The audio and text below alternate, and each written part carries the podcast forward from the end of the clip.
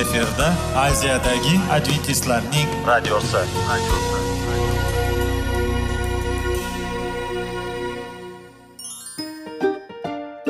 Assalomu alaykum aziz radio tinglovchilar. Sog'liq daqiqasi rubrikasiga xush kelibsiz. Zero tananing sog'lom bo'lishi va uning kasalliklardan saqlash har bir insonning burchi hisoblanadi. Inson uchun bebaho boylik bu sog'liq salomatlikdir. Uni asrash esa har birimizga omonat qilib berilgan. Shuning uchun ham inson o'z sog'lig'ini ehtiyot qilishi va ajib amallardan hisoblanadi. Dono xalqimiz sog'liq tuman boylik deb bejiz aytmagan. Aql idroq sohibi bo'lgan inson o'z hayotini qadrlashi lozim bo'ladi. Hozirgi kunda qanchalik dori darmonlar ko'paymasin tibbiy muassa sifati shifokorlar vasiyasi tibbiy texnika yaxshilanmasin. Agar insonning o'z salomatligi haqida qayg'urmasa kutilgan natijaga erishib bo'lmaydi va biz sizlarga bizning dasturimizga xush kelibsiz deymiz.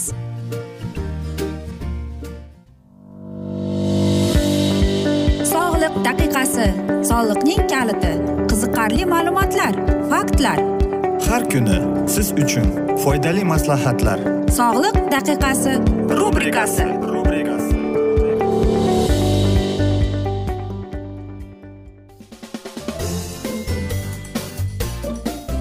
assalomu alaykum aziz radio tinglovchilar. Dasturimizga xush kelibsiz va biz sizlar bilan tana va sog'liq degan dasturda xushvaqt bo'ling deb aytamiz.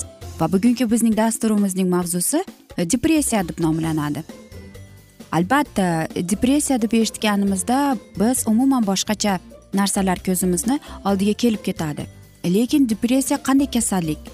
Uning alomatlari uning sabablari nimadan? Qarangki olimlarning aytishicha depressiya bu umumiy ruhiy kasallik hisoblanar ekan va dunyo bo'yicha barcha yosh guruhlaridan ikki yuz oltmish to'rt milliondan ortiq kishi aziyat chekadigan ya'ni har bir inson ikki yuz oltmish to'rt milliondan ortiq kishi. Buning raqamlari qo'rqinchli to'g'rimi? Lekin depressiya dunyoda nogironlik yetakchi sababdir deb aytishadi va kasallikning global yukini aytaylik sezilarli darajada hissa qo'shib keladi. Umuman olib qaraganda depressiyaning sabablari nima u nega depressiya bu qayerdan kelib chiqadi?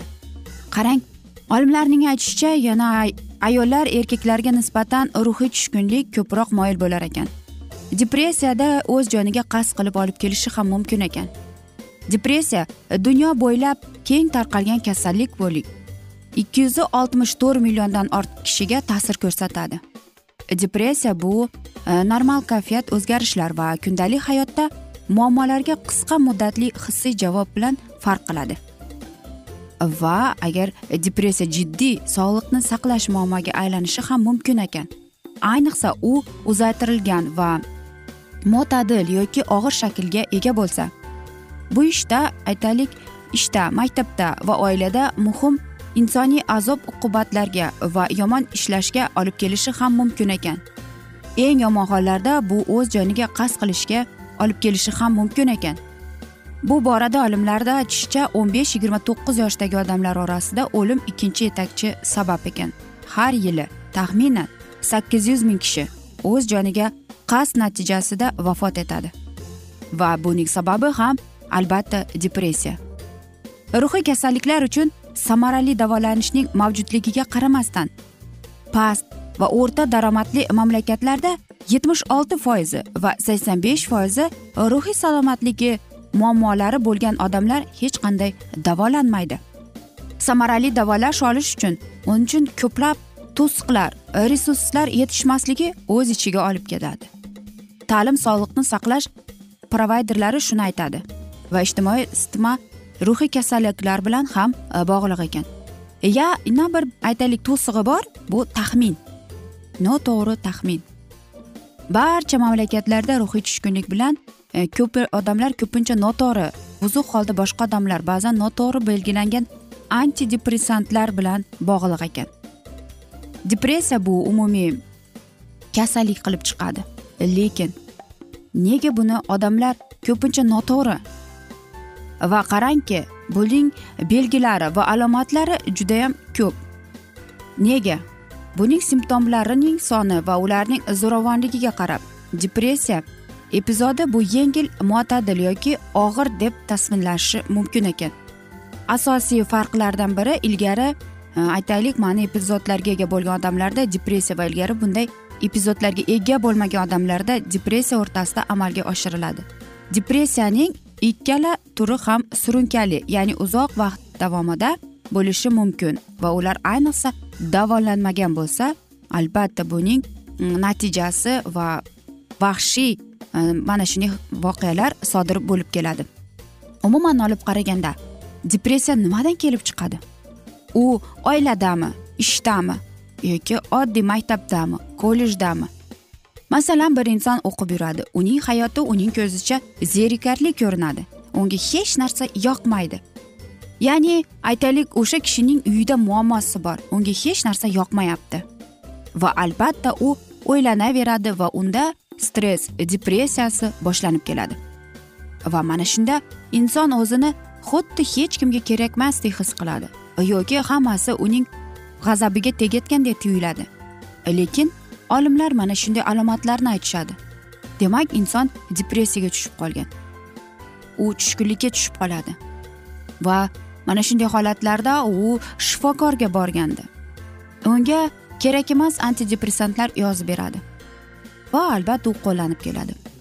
Bunday narsalarni biz yevropada ko'p uchratamiz. Chunki u yerda o'zining joniga qasd qilishlar juda yam ko'payib ketgan.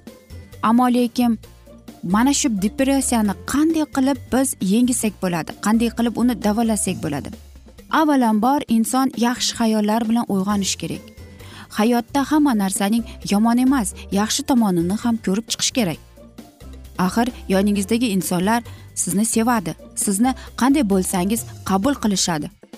Shuning uchun ham inson uyg'onib darrov yuziga tabassum o'ylab o'ylash kerak. Bugun mening kunim a'lo darajada o'tadi deb mana shunday yomon hayollaringiz bo'lsachi uni nima qilish kerak? Albatta uni umuman xayolingizdan chiqarib tashlang. Ertalab turib yaxshi kayfiyat bilan choyingizni ichib mashqlarni qilib ishga o'qishga borishingiz mumkin. Va albatta sizdagi yaxshi kayfiyat yon atrofingizdagi insonlarga tarqalib keladi. Chunki yomon kasallik yoki yomon xayollar ko'plab kasalliklarni chaqib keladi. Va shuning uchun ham depressiyaning ham olib kelishiga olib ketadi. Aziz do'stlar mana shunday asnoda biz afsuski bugungi dasturimizni e, yakunlab qolamiz va o'ylaymanki bizning dasturimiz sizga foydali va mamnunli bo'ldi deb. Va biz keyingi dasturlarda albatta mana shu mavzuni yana o'qib eshittiramiz. Va sizlarda savollar tug'ilgan bo'lsa biz sizlarni salomat klub internet saytimizga taklif qilib qolamiz. Va biz umid qilamiz siz bizni tark etmaysiz deb chunki oldinda bundanda qiziq bundanda foydali dasturlar kutib kelmoqda. Va albatta biz sizlarga va yaqinlaringizga sog'lik salomatlik tilab yuzingizdan tabassum hech ham ayrimasin deb sog' bo'ling deb xayrlashib qolamiz.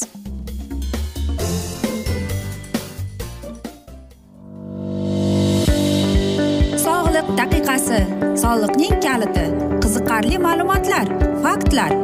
Har kuni siz uchun foydali maslahatlar.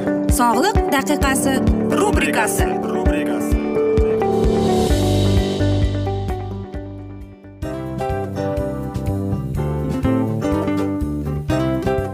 mana ha hayotda hamma narsaning yaxshi narsalar tugaydi va yakunlaydi degandek bizning dasturimizga ham yakun keldi.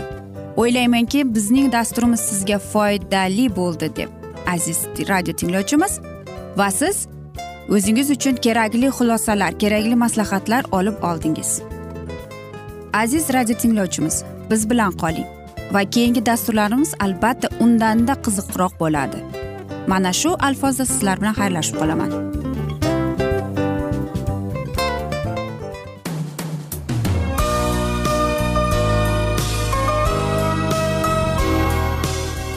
Efirda aziyadagi adventistlarning radiosi.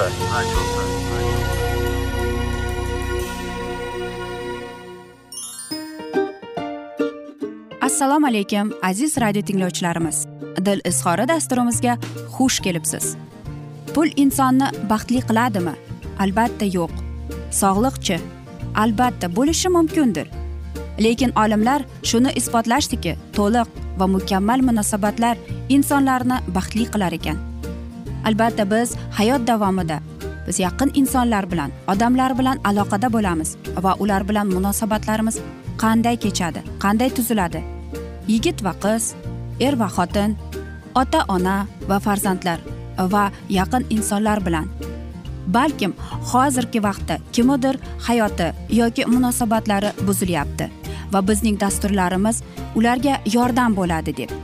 Va oldinda sizlarni qiziqarli intervyular va mavzular kutyapti va biz umid qilamizki siz biz bilan qolasiz deb.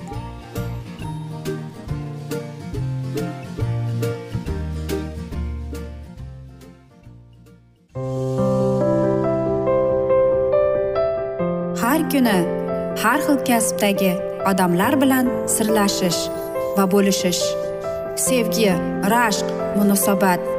Bularni hammasi dil izhori rubrikasida.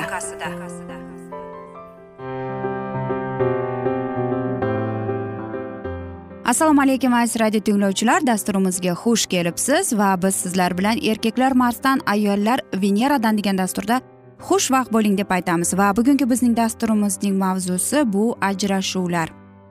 Albatta ajrashuvlar ko'p. Statistika yomonlashib ketyapti oila muqaddas.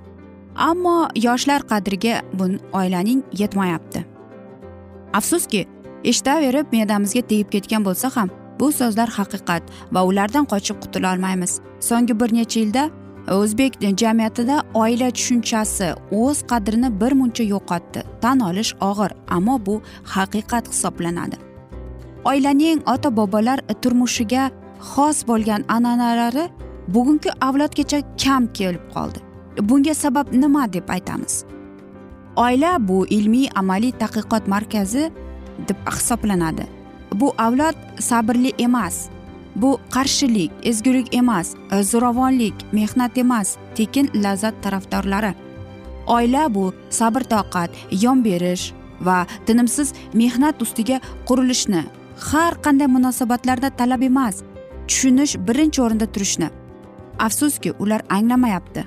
Ular uchun ajralish oila bir zumda barbod qilish zo'ravonlik va zulm odatiy holga aylanib qoldi.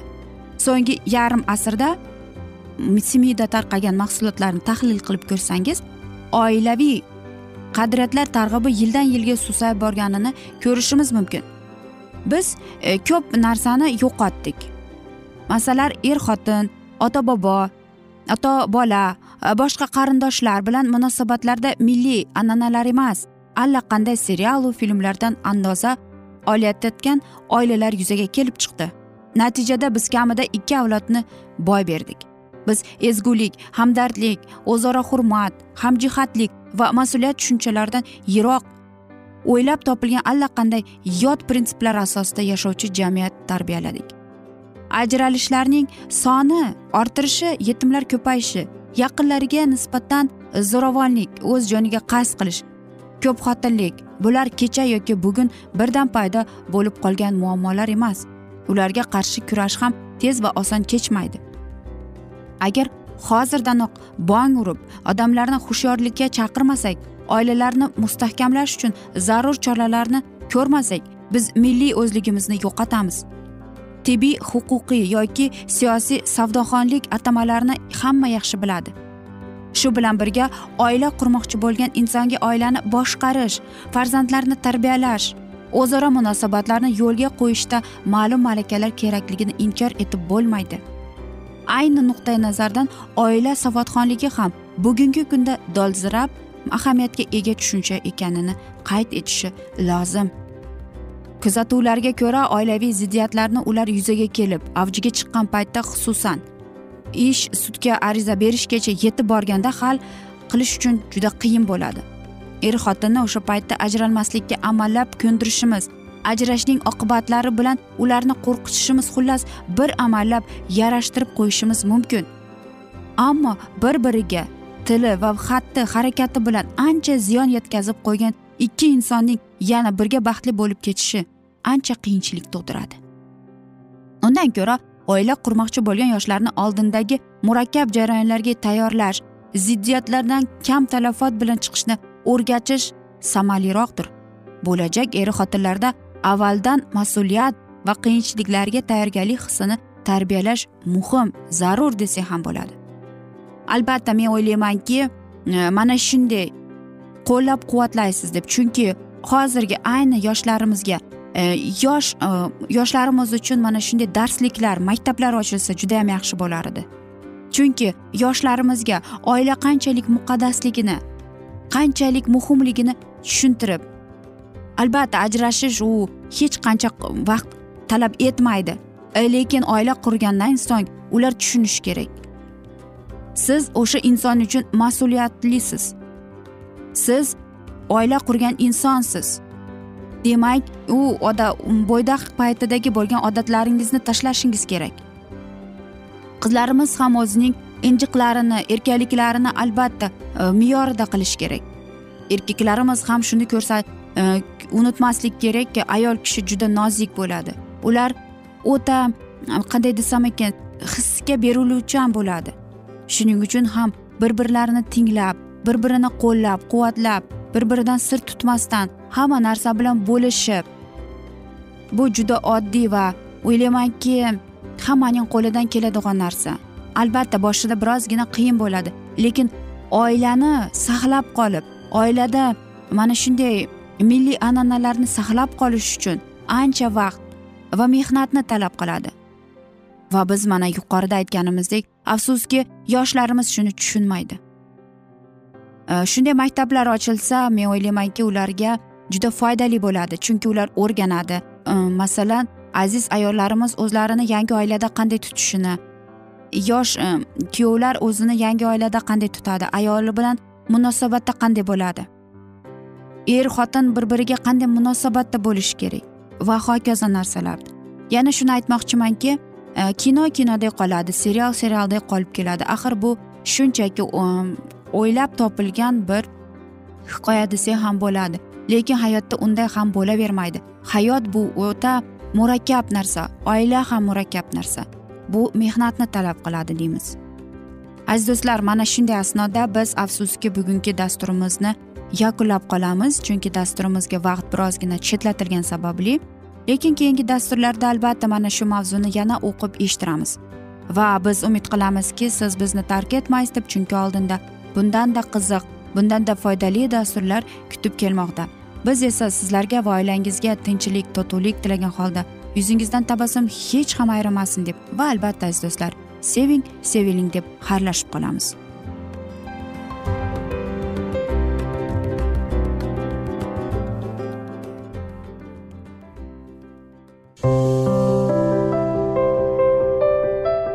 Har kuni har xil kasbdagi odamlar bilan sirlashish va bo'lishish. Sevgi rashq munosabat bularni hammasi dil izhori rubrikasida. Mana aziz radio tinglovchimiz bizning go'zal va foydali va chiroyli dasturimiz yakunlanib bormoqda. Sizlarga birozgina maslahat berib o'tmoqchi edik. Bir biringizni seving qadringizga yeting. Va erkalang albatta bir biringizni va sizga judayam chiroyli va mustahkam munosabatlar tilab qolamiz albatta. Sevgilingiz doimo yoningizda bo'lsin. Mana shu borada sizlar bilan xayrlashib qolamiz. Xayr.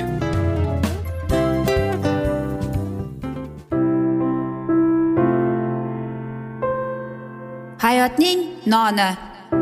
Qiziqtirgan savollar va javoblar. Buning hammasi ko'ngil uchun oziqa rubrikasida.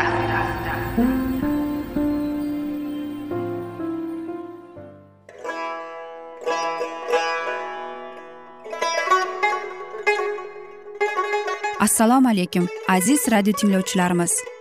Ko'ngil uchun oziqa rubrikasida xush kelibsiz deymiz. Siz haqiqatni izlayapsizmi? Olamnimi? Umidnimi? Siz kimga murojaat qilmoqchisiz? Odamlar ko'pincha siyosat kuchiga tayanadilar. Dunyo iqtisodiyoti holati tobora chuqurlashib bormoqda. Tabiiy ofatlar va texnogen halokatlar minglab insonlarning hayotini olib ketib juda katta zarar yetkazmoqda. Sizga abadiy hayot inomini hadya qiluvchi va hayotingizni tubdan o'zgartiruvchi haqiqatni izlab toping. Xudo haqidagi haqiqat uning kalomida mujassamlashgan. Kimki bu haqiqatni butun qalbi bilan izlasa albatta unga yetishadi.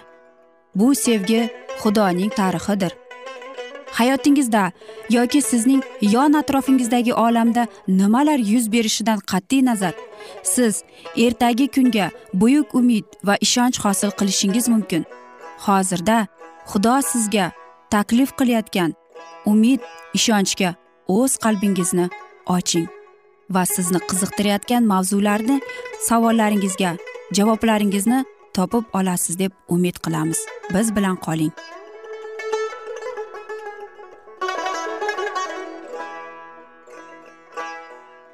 Assalomu alaykum aziz radio tinglovchilar. Dasturimizga xush kelibsiz va biz sizlar bilan ulug' kurash degan kitobni o'qib eshittirishni boshlagan edik va bugungi bizning dasturimizning mavzusi hozirgi kunda uyg'onish deb nomlanadi va biz sizlar bilan o'tgan galgi mavzuni bugun davom ettiramiz. Iymonga kelgan gunohkor najot beruvchi qon orqali xudo bilan yarashganda masihiycha hayot endigina boshlanadi. Endilikda u mukammallikka intilib masih kabi mo'ljalga yetib olish uchun jon kuydiradi. Pavlus deydi orqamda qolganlarni unutib oldimgilarga ko'z tikaman. Xudo iso masih orqali men oliy maqsadga chorladi muqaddas kitobga ko'ra muqaddaslikka erishish yo'lida pyotr bizga bir necha bosqichlardan o'tishimiz kerakligini aytgan edi. Bularni nazarda tutib iymoningizni but qilishga jon kuydiringlar. Shunday qilib iymoningiz ustiga fazil kalomatga ega bo'linglar. Fazil kalomatingiz ustiga ong bilimga ega bo'linglar. Ong bilingimiz ustiga nafsingni tiyishni o'rganinglar. Nafsni tegish ustiga sabr toqatli bo'linglar. Sabr toqatingiz ustiga diyonatga ega bo'linglar. Diyonatli bo'lish ustiga birodarlaringizni sevinglar. Birodarsevarlik ustiga tugal muhabbatga ega bo'linglar. Bu yo'lni tutsangiz hech vaqt qoqinmaysizlar. O'z tajribalarida muqaddas kitobga ko'ra muqaddaslikka erishganlar har qanday holatda itoatkorlik ruhini namoyon qiladilar. Muso singari ular muqaddaslik qudratining ta'sirchan izzat ikromini ko'radilar. Buyuk zotning oliy darajadagi mukammalligi va pokligi bilan solishtirganda ular o'zlarining nomunosib xulq atroflarini angladilar. Payg'ambar doniyor haqiqiy muqaddaslik namunasidir. Uning uzoq hayoti o'zining yaratuvchisiga nisbatan bo'lgan ulug'vor xizmati bilan to'lib toshgandi. U xudoning suyuqli bandasi bo'lgan o'zining pokligi va muqaddasligi bilan mag'rurlanish o'rniga. Bu muhtaram payg'ambar o'zini gunohkor isroil bilan bir qatorga qo'yadi va o'z xalqini himoya qilishni xudodan so'raydi. Ey xudoyim quloq solib nolarimizni eshiting. Biz sening marhamatingga loyiq bo'lmasakda o'zingning cheksiz rahmdilliging tufayli siz bizga shafqat qil. Biz gunoh qildik. Qabihlikka qo'l urdik. Doniyor to'g'ridan to'g'ri deydi. Men toat ibodatda bo'lib o'zimning gunohlarim va xalqim isroilning gunohlari uchun tavba qildim. Xudoning o'g'li unga pand nasihatlar qilgani kelganida doniyor dedi. O'sha ajoyib vahiyni ko'rayotganimda quvvatsizlanib aft angorim tanib bo'lmaydigan darajada o'zgarib ketganimni sezdim. Ayub kuchli shamol orasida xudoning ovozini eshitganda u dedi endi aytganlarimni qaytib olma olaman. Boshimga tuprog'i kul sochib tavba qilaman. Ishayo xudoning kuch qudratini ko'rib qarublarning muqaddasidir muqaddasidir muqaddasdir sarvari olam degan ovozlarini eshitgandan keyin u shunday xitob qildi sho'rim qursin o'ldim endi. Axir men og'zi nopak bir odamman deydi. Pavlus uchinchi osmonga ko'tarilib insonga aytib bo'lmaydigan gaplarni eshitgandan keyin u o'zi haqida shunday dedi. Men barcha azizlar orasida eng arzimagan edim. Isoning ko'kragiga bir necha bor boshini qo'ygan va uning shuhratini ko'rgan sevimli yuhano farishtaning oyoqlari ostiga jonsiz kabi yiqildi. Golgota xochi soyasida yashayotganlar hech qachon mag'rurlik his tuyg'usiga berilib ketmaydilar hamda maqtaganlaricha o'zlarini gunohdan ozod deb hisoblamaydilar. Ularning gunohi xudoning o'g'liga qanchalik azob uqubat yetkazib uning qalbini tilka pora qilganini ular anglatadilar. Bunday fikr xayol esa ularni yanada battarroq kamsitilishga olib keladi. Odam masihga qanchalik yaqin bo'lsa shunchalik insoniyatning gunohkorligini aniq ko'radi. U faqatgina hojga tortilgan va qayta tirilgan najotkorning xizmatiga ishonadi. Hozirgi zamon din olamida tobora keng tarqalib borayotgan oqlanishning o'sha tushunchasi xushxabar e'tiqodiga yot bo'lgan tasavvur kabi xudoning qonunini mensimay manmanlik ruhi va his tuyg'ulariga singib ketgan. Ushbu nazariya himoyachilarning ta'lim berishicha oqlanish bu bir marta sodir bo'ladigan jarayon bunda inson faqatgina ishonch e'tiqod yordamida mukammal muqaddaslikka erishadi. Faqatgina ishoning deydi ular. Ana shunda marhamatga ega bo'lasiz. Ularning fikricha marhamat oluvchidan kelajakka biror bir harakat boshqa talab qilinmaydi. Shu bilan birga ular xudo qonuni nufuzini inkor etadilar va amrlarga rioya qilish zarur emasligini tasdiqlaydi. Agar inson xudoning tabiati va uning irodasini ifodalovchi va unga nima ma'qul ekanligini ko'rsatib turuvchi qonun qoidalarni mensimasa bu holda rabbiga va uning fe'l atrofiga xos bo'lgan muqaddaslikka erisha oladimi? Kurashni o'zidan va dunyoviy hayotdan voz kechishni talab etmaydigan qulay va yengil e'tiqodga bo'ysunish istagi ishonch tufayli faqatgina iymoni tufayli inson qutqarilishi muqaddas bo'lishi va huzur halovatga osongina erishishi mumkinligi haqidagi ta'limotni keltirib chiqarardi. Bunday ta'limot nihoyatda ma'lum va mashhur ammo xudoning kalomi bu borada qanday fikrda? Havoriy yoqub deydi ey birodarlarim agar biror kishi iymoni borligini aytsayu xayrli ishlar qilmasa nima foydasi bor? Bunday iymon uni xudo g'azabidan qutqararmikin? Ey aqlsiz odam savobsiz iymonning foydasiz ekanligini bilasanmi? Otamiz ibrohim o'g'li isohni qurbon qilmoqchi bo'lganda o'z savoblarini tufayli oqlaganku ko'ryapsanmi? Aziz do'stlar mana shunday asnoda biz afsuski bugungi dasturimizni yakunlab qolamiz chunki bizning dasturimizga vaqt birozgina chetlatilgani sababli. Lekin keyingi dasturlarda albatta mana shu mavzuni yana o'qib eshittiramiz. Va sizlarda savollar tug'ilgan bo'lsa biz sizlarni adventist tochka ru internet saytimizga taklif qilib qolamiz. Va umid qilamizki siz bizni tark etmaysiz deb chunki oldinda bundanda qiziq va foydali dasturlar kutib kelmoqda.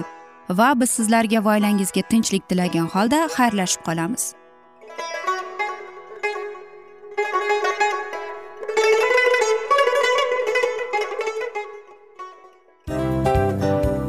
Hamma narsaning yakuni bo'ladi degandek afsuski bizning ham dasturlarimiz yakunlanib qolyapti.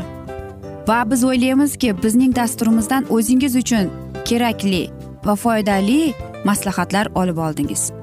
Sog'liq borasida sizga foydali maslahat berganmiz deb umid qilaman albatta. Va sizlarga mana shu borada sog'liq tilab qolaman.